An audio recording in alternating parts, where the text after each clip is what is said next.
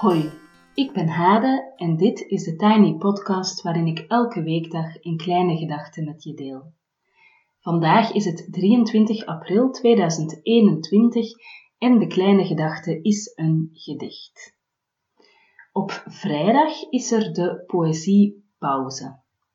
Voor degenen die dat niet kennen, leg ik nog even uit wat een poëziepauze is.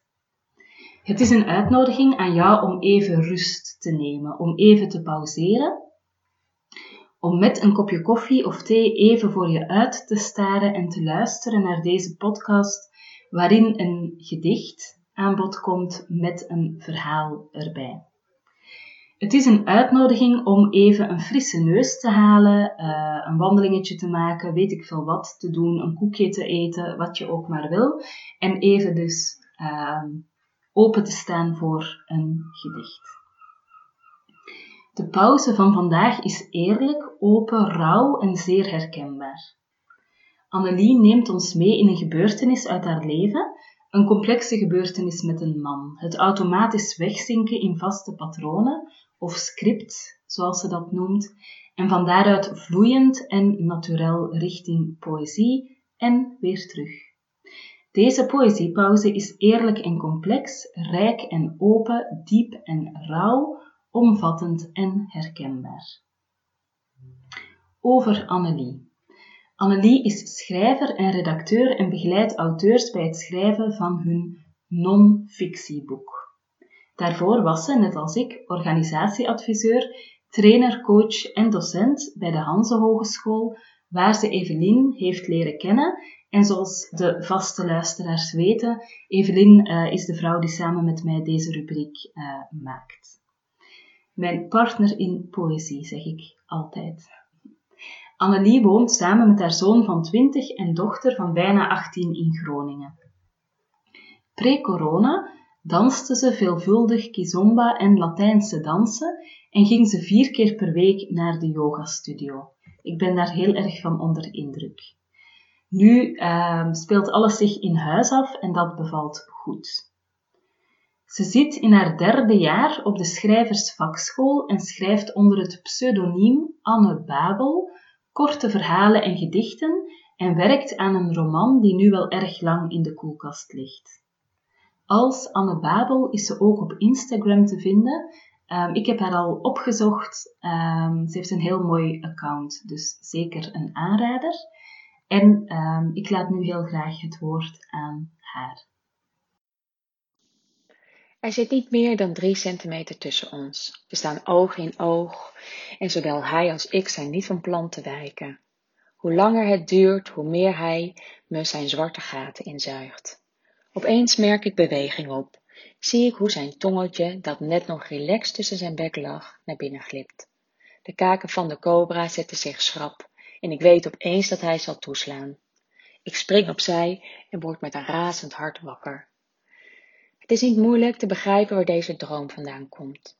De flirterige chat met een vriend slash muze slash voormalig lief is de dag ervoor omgeslagen van hinten naar een seksuele ontmoeting in een speciaal voor deze aller allerlaatste gelegenheid gekochte camper van 80.000 euro, naar een gesprek waarin hij aangeeft alleen nog quick and dirty te willen afspreken en dat hij bij mij bewust niet kiest voor vrijpartijen als liefdesverklaringen, om herhaling van onze drama's te voorkomen.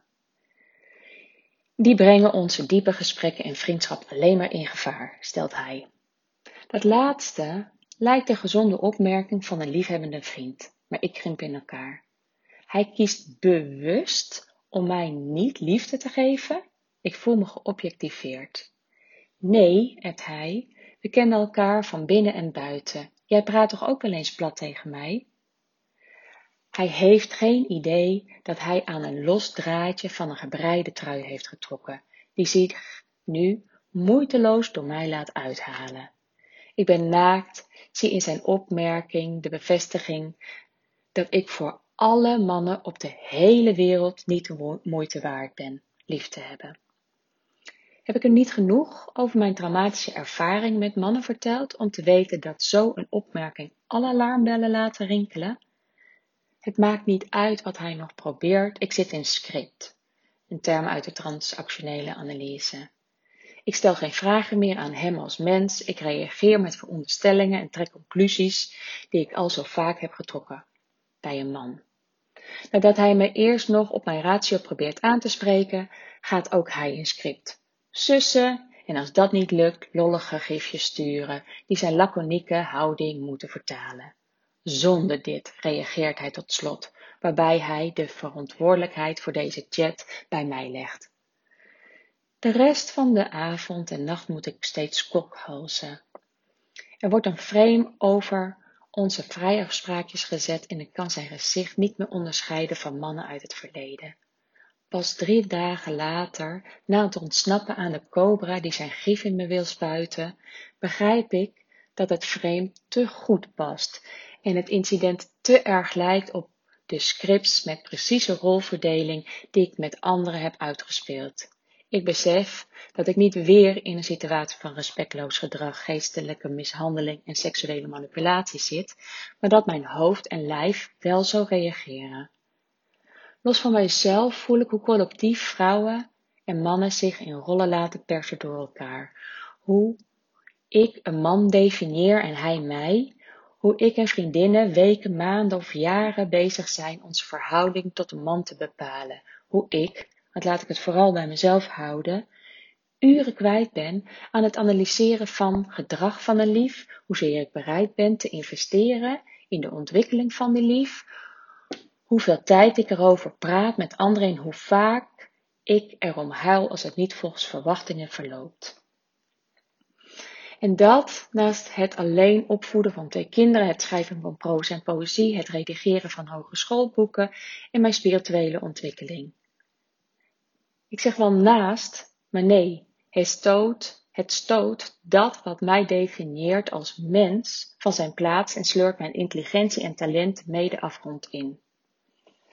Na dit verhaal valt de keuze voor een gedicht van Radna Fabias niet moeilijk te rijmen. Radna Fabias won met Habitus de meeste poëzieprijzen ooit in Nederland voor een debuutalbum. In haar poëzie komt haar Antilliaans-Nederlandse achtergrond vaak terug, net als gedichten over man-vrouw verhoudingen. Ik leerde het gedicht dat ik voor vandaag heb uitgekozen kennen op 12 juli 2019.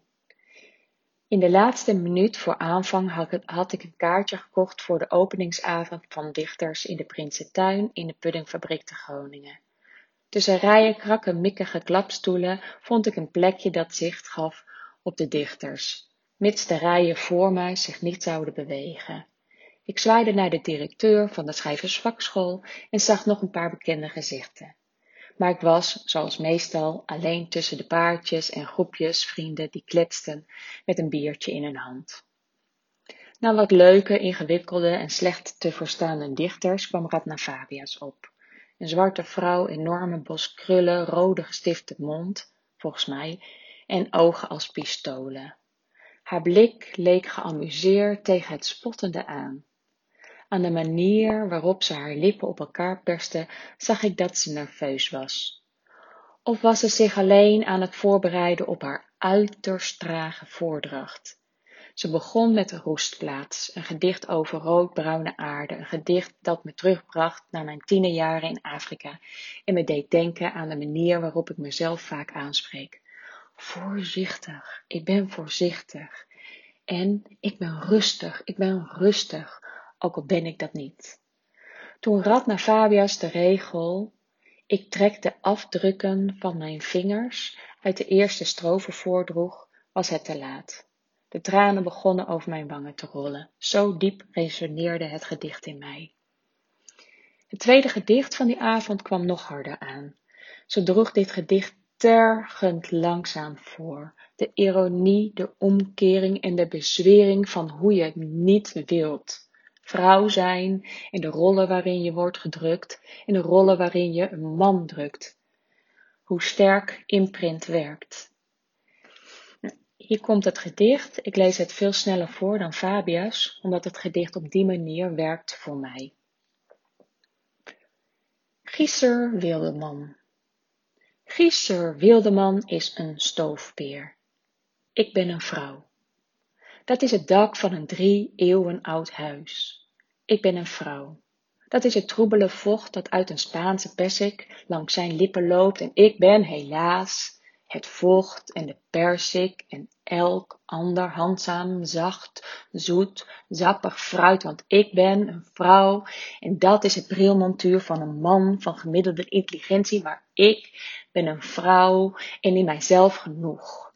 Er is geen leegte in mij. Er is wel een schuilplaats, een voorkamer, een wachtruimte, een plek waar ik iemand kan ontvangen. Een man. Het begin van een kind. De vingers van een vrouw. Toch heb ik aan mezelf genoeg. Het maakt niet uit hoeveel postmoderne gendertheorie ik aan mijn heupen hang. Het is aan mij te zien. Ik ben een vrouw. Ik zou kunnen bestaan naast een man. Maar man is geen lichaam. Een man is geen brommende bastonen, geen lage stem, dikke armen, stroeve vingers, dikke huid, geen baard. Een man is geen baard. Een man is ook geen vage vuur. Een man is geen werkverschaffing. Een man is geen afleiding. Een man is geen arbeidstherapie. Een man is geen rasvaat. Een man is meer dan aanbiddende ogen in een gestolen nacht. Een man is geen kofferbak, geen zwaailicht. Een man is geen diepe buiging voor mijn kruis. Een man heeft ook gevoelens, denkt ook na, heeft ook pijn. Soms weet hij zelfs waarom hij pijn heeft. Een man is geen vleeshaak, geen fileermes, geen geweer, geen heet merkijzer, geen heilig boek. Een man is geen wapen, geen hobby. Een man is geen hobby. Een man is geen hobby. Een man is geen hobby. Een man is geen strafregel. Een man is geen troon om met gekruiste benen op te zitten als een dame. Ik ben geen dame. Ik ben een vrouw. Ik huilde omdat ik wist dat dit mijn systeem was wanneer het gaat om liefdespartners. Dat ik net zo goed geloof in een man met sterke armen om mij heen en een koel hoofd, als een man als fileermes en heet merkijzer. Hoe vaak ik het gedicht ook lees, ik breek altijd. En dat is wat poëzie doet. Het pakt emoties uit en klemt woorden in tot een gedicht dat de essentie van het leven weergeeft.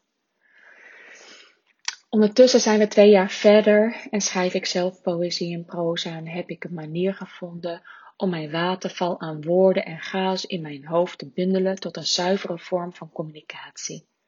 Voor school analyseer ik gedichten en ik ben er als redacteur goed in om te duiden wat een ander schrijft. Maar het gedicht Giezer Wildeman doet niet een appel op mijn begripsvermogen. Ook ben ik niet op zoek naar de dichter in het gedicht. Dit gedicht praat tegen een laag diep in mij, waar ik nog steeds moeilijk woorden aan kan geven. Tot slot, hoe zit het met mij en de vriend? Nou, vandaag laat ik hem de podcast horen terwijl we zoomen. Ik vertel hem dat hij de afgelopen twee jaar veel wonden heeft schoongelikt. En ik vraag hem als een litteken openbreekt en ik alleen nog maar conclusies kan trekken, of hij mij wil bevragen. Naar hoe de cobra me gevangen houdt in zijn zwarte gaten en of ik me durf te laten bijten. Want ja, ik weet ondertussen hoe ik vergif kan omzetten. Bijvoorbeeld in deze podcast, om maar wat te noemen. Zo, voor mij geldt dat deze poëziepauze het vraagt om beluisterd te worden en nog een keer en nog een keer. Um, ik heb er intussen al meerdere keren naar geluisterd en ik merk dat telkens iets anders oplicht en mij raakt.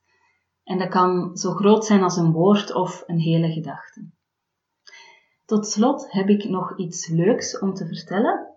Um, er komt een eerste poëziepauze product. Evelyn en ikzelf zijn iets aan het maken, dat klinkt heel vaag, om wat meer poëzie in jouw leven te brengen. Dat krijg je per post als je je aanmeldt, tenminste voor het Tijd voor Mij festival dat doorgaat op 9 mei van 20 tot 22 uur en de link daarvan staat in de show notes. Evenals de informatie over deze poëziepauze en ook de link naar de website van Evelyn. Dus um, op 9 mei is er de Tijd voor Mij, uh, het Tijd voor Mij Festival. Een festival met concert, um, vier workshops waaruit je kan kiezen. Um, en er hoort een soort goodiebag bij. En we willen natuurlijk niet zomaar een uh, goodiebag met, zeg maar, soort van reclame dingetjes. Maar we willen gewoon iets liefs, speels, waarmee je zelf poëtisch aan de slag kan. Zo vaag hou ik het voor vandaag. Tot zover de Tiny Podcast voor vandaag. Je kan me volgen op Instagram, TheTinyPodcast. Als je je abonneert via bijvoorbeeld Google of Apple Podcast, in Spotify of in je favoriete podcast-app, krijg je telkens de nieuwste aflevering in je overzicht en dat is dus elke weekdag. Als je de podcast doorstuurt naar iemand die er ook graag naar luistert, of hem deelt op social media, dan help je mij om de podcast te laten groeien. Ik wens je een heel fijne dag en heel veel goeds en graag tot maandag.